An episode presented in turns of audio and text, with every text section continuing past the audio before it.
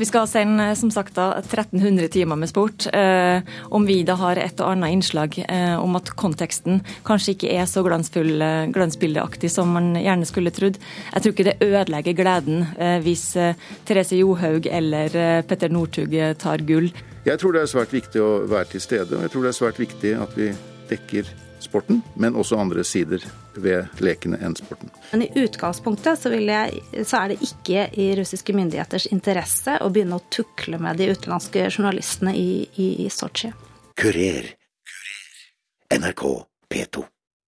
De olympiske leker er godt i gang, til en svimlende pris og plassert bare noen stenkast fra det som blir karakterisert som en krigssone.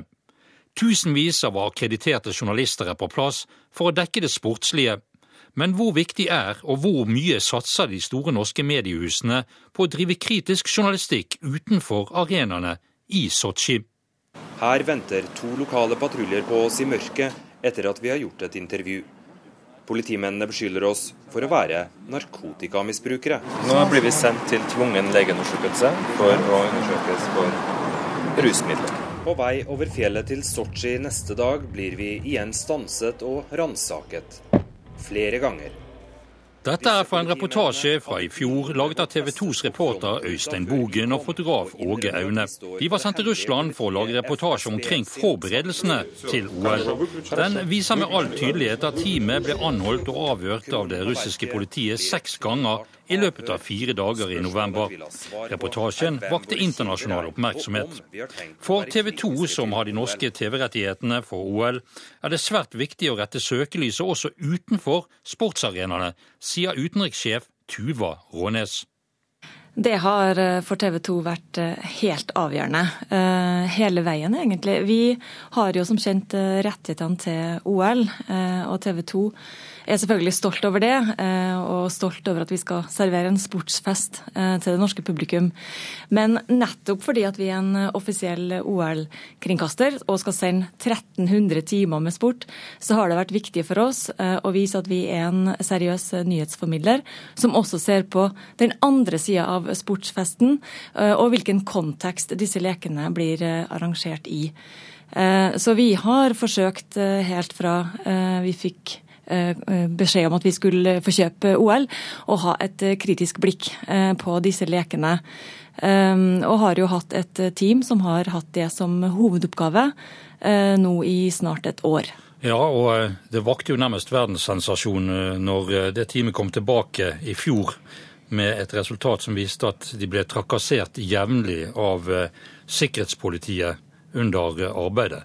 Ja, ikke sant. Dette er jo uh, utgangspunktet for at uh, de ble arrestert. Uh, tror vi, er jo at de jobba da med en kritisk reportasjeserie hvor de så på hva skal jeg si, de negative sidene ved OL. Korrupsjon, brudd på menneskerettigheter. Miljøvernere som ble svært alvorlig dårlig behandla av russiske myndigheter. Minoriteter som følte seg undertrykt.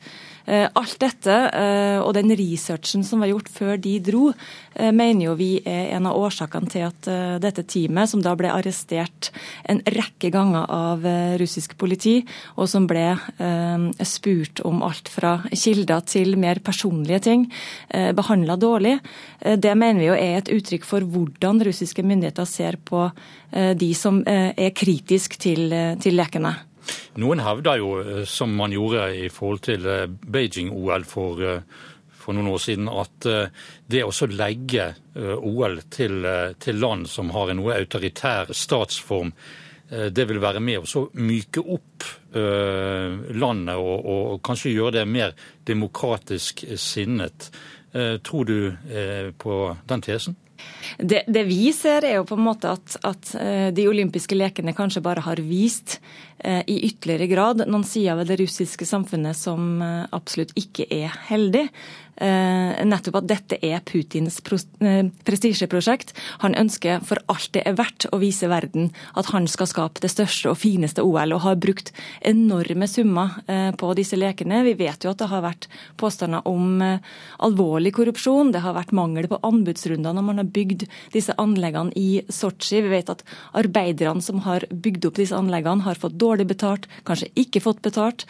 Vi vet også at aktivister i Sotsji har opplevd at det har blitt mye, mye vanskeligere å ytre seg. Um, og I tillegg så ligger jo da uh, disse olympiske lekene midt i en svært betent region.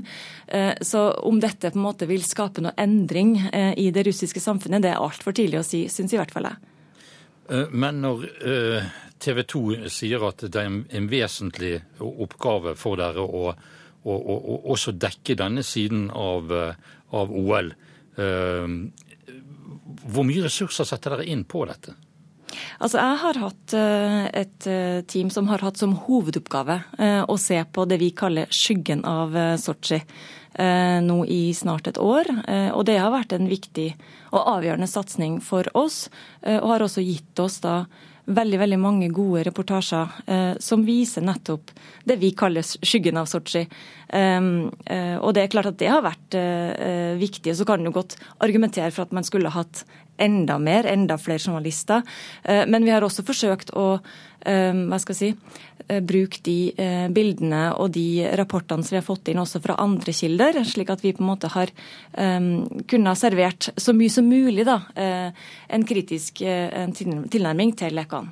Men når man sitter der i sofakroken og håper på norske medaljer, og da selvfølgelig får servert både ski, skøyter og hva det nå måtte være, og så midt oppi det hele så, så kommer det kritiske reportasjer eh, ut også. Du er ikke redd for at dette vil være med å ødelegge litt av gleden for, for TV-seeren?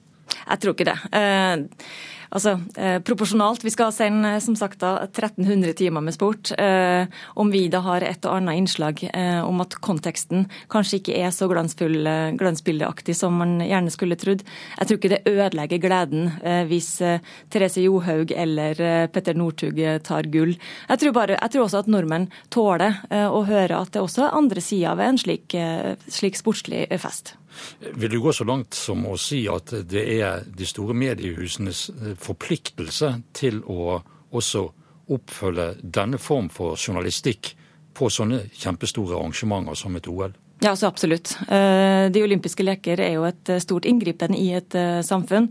Og det er jo Eh, det er jo de som hevder at dette ikke er politikk. Det er jo politikk. Eh, og jeg mener at vi eh, er forplikta til å også se på de sidene av de olympiske leker, og ikke minst da et arrangement som har blitt kritisert så til de grader i forhold til det pengebruken, korrupsjon, brudd på menneskerettigheter. Kjempealvorlige faktorer som, som vi som journalister må dekke. Sa utenrikssjef Tuva Rånes i TV 2. Julie Wilhelmsen er forsker ved Norsk utenrikspolitisk institutt og russlandsekspert. Hun forteller dette om hva som møter deltakere og mediefolk i Sotsji. Eh, de møter et ganske konstruert eh, samfunn, eh, tror jeg. Fordi at Sotsji er nok nå installert som en eh, egen sone, der eh, den versjonen av disse lekene som det russiske regimet ønsker å få fram, skal komme fram. Så det er jo en formidabel kontroll på ikke bare bevegelsen av mennesker og, og du får, hvor du får Eh, oppholde deg, men, men hva, du, hva, du, får høre og hvilke, ja, hvilke mennesker som, som, kommer til å, å være der. F.eks. så er det slik at eh, de, nord, de, mange, mange ulike nordkaukasiske folkene som opprinnelig bor i dette området, og som jo ser annerledes ut, som er nordkaukasiere, eh, stort sett har blitt rådet til ikke å reise inn eh, i, i Sotsji. Og så er det jo selvfølgelig hele mediesituasjonen, eh, som i utgangspunktet er ganske sterkt kontrollert eh, i Russland, og har vært det lenge, lenge, når det gjelder eh, kontroversielle spørsmål sånn som korrupsjon, antiterrorkampanjen i Nord-Kaukasus osv. Og som i forbindelse med Sotsji da også retter seg mot hvor, omtalen av disse lekene, rett og slett. At eh, negativ eh, informasjon er ikke ønsket. Og en mekanisme er at journalistene selv utøver en sensur, og skjønner at her er det positiv omtale som gjelder, og at man ikke skal grave, grave fram noe skitt. Og så er det jo også helt konkrete mekanismer som er tatt i bruk, hvor journalister som, som har skrevet negativt, eller aktivister som prøver å sette fokus på miljøutfordringer eller underbetalte arbeidere eller hva det nå skal være, har blitt utsatt, for en slags konstruerte rettssaker eller har fått eh, problemer med bedriftene sine, mediebedriftene sine. Hvordan tror du at eh, det russiske politiet og overvåking skal klare å holde styr på en horde med utenlandske journalister som også ser utover eh, det som foregår på arenaen? Eh, nei, jeg tror nok ikke at eh, det russiske regimet har råd til å forsøke å kontrollere det utenlandske journalister rapporterer ut fra Sotsji når lekene først er i gang.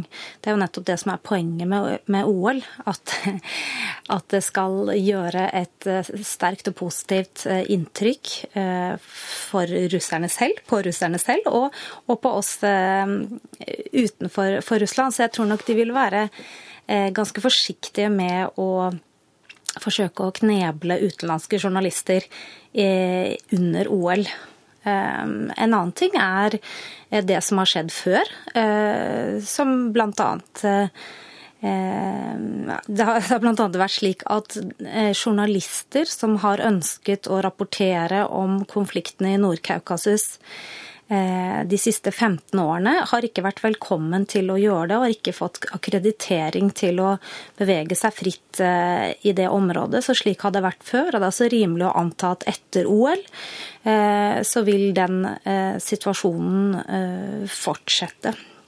Men akkurat under OL tror jeg ikke det er i russiske myndigheters interesse å, å, å gjøre noe konkret mot de journalister som faktisk er sendt for å rapportere fra, fra OL. Kurer. Per Olav Ødegård er mangeårig utenriksmedarbeider og korrespondent i Verdens Gang. Nå er han kommentator i samme avis. Avisen satser store ressurser på den sportslige dekningen. Men hvordan så dekningen av det som foregår utenfor arenaen?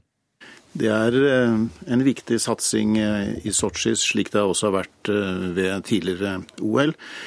I Sotsji kommer vi til å ha kommentatorer. Vi kommer til å ha et, minst ett team som kommer til å jobbe med andre ting enn det rent sportslige. Og vi kommer til å ha folk som har lang erfaring og som kan russisk og som kjenner området, som også er med i dette teamet. Sånn at vi kommer til å være tror jeg, godt i stand til å dekke de tingene som også de tingene som ikke handler om sport. Men i tillegg så er det selvsagt at vi kommer til å dekke sporten først og fremst, og veldig bredt.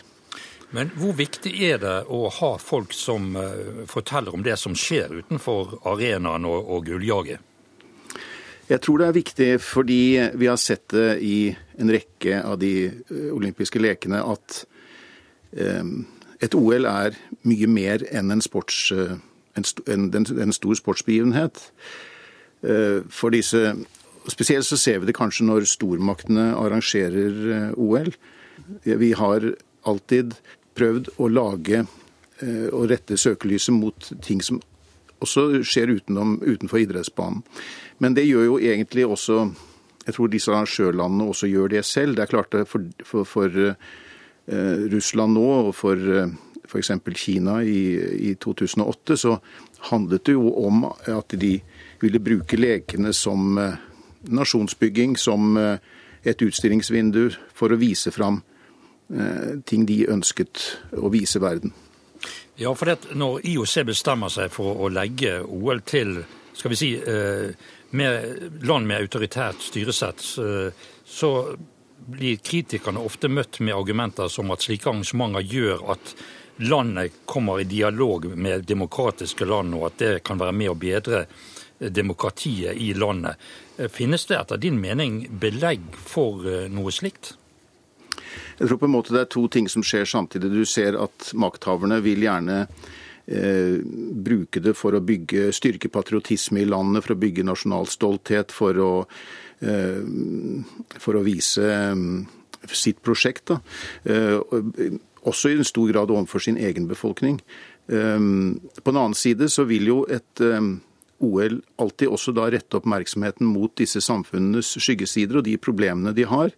Og det er det ser vi jo ganske tydelig sånn, i forbindelse med, med, med Sotsji. Jeg tror dette er jo et viktig prosjekt selvfølgelig for den russiske ledelsen. og de har, ønsker å vise seg fram som en moderne stormakt, og, og de vil bruke det. Disse lekene, Dette er det største byggeprosjektet de har hatt siden Sovjetunionens fall, og brukt enormt mye penger på det. Selvfølgelig med en klar hensikt. Samtidig så har det jo da økt oppmerksomheten om sider ved Russland, som sivile rettigheter, kritikken på det området der, de homofile situasjon, og selvfølgelig også det at det finner sted på grensen på mange måter til en, noe som har vært en krigssone i mange år. Kaukasus. Er det, er det viktig, syns du, å følge opp dette når det gjelder Sotsji, også etter lysene er slukket? Det er det selvsagt. Og det, det, er jo det positive med et OL. Vi får, det, gir et, det gir en mulighet for å lage reportasjer. Det gir en aktualitet både til reportasjer og kommentarer om et område. Jeg tror vi lærer mer om disse landene, om disse stedene, eh, pga. et OL. Og jeg tror, eh, jeg tror det gir oss dypere forståelse, og det er uansett et gode ved et OL. Matti Goksøyr er professor i historie ved Norges idrettshøgskole.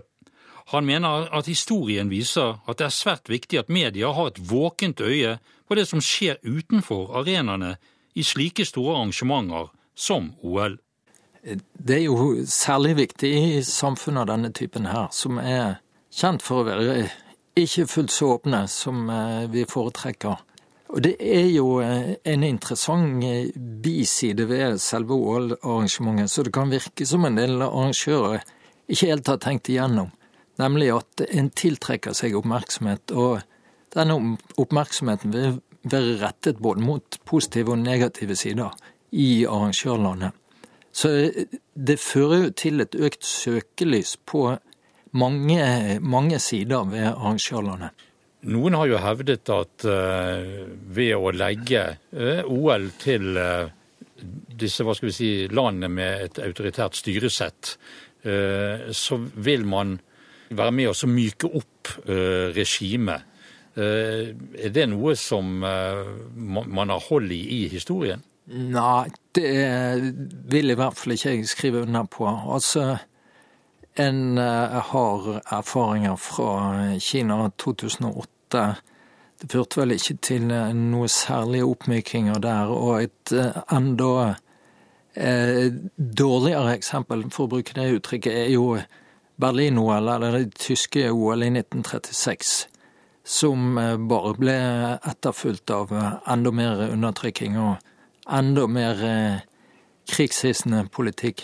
Hvis vi går tilbake til 1936 og fremdeles kaller det moderne historie, så eh, var jo det olympiske leker som foregikk i et nazistisk Tyskland, der Hitler satt ved makten. Og eh, regimet der hadde helt klare planer om at dette skulle være en eh, propagandaforestilling for det nazistiske regimet.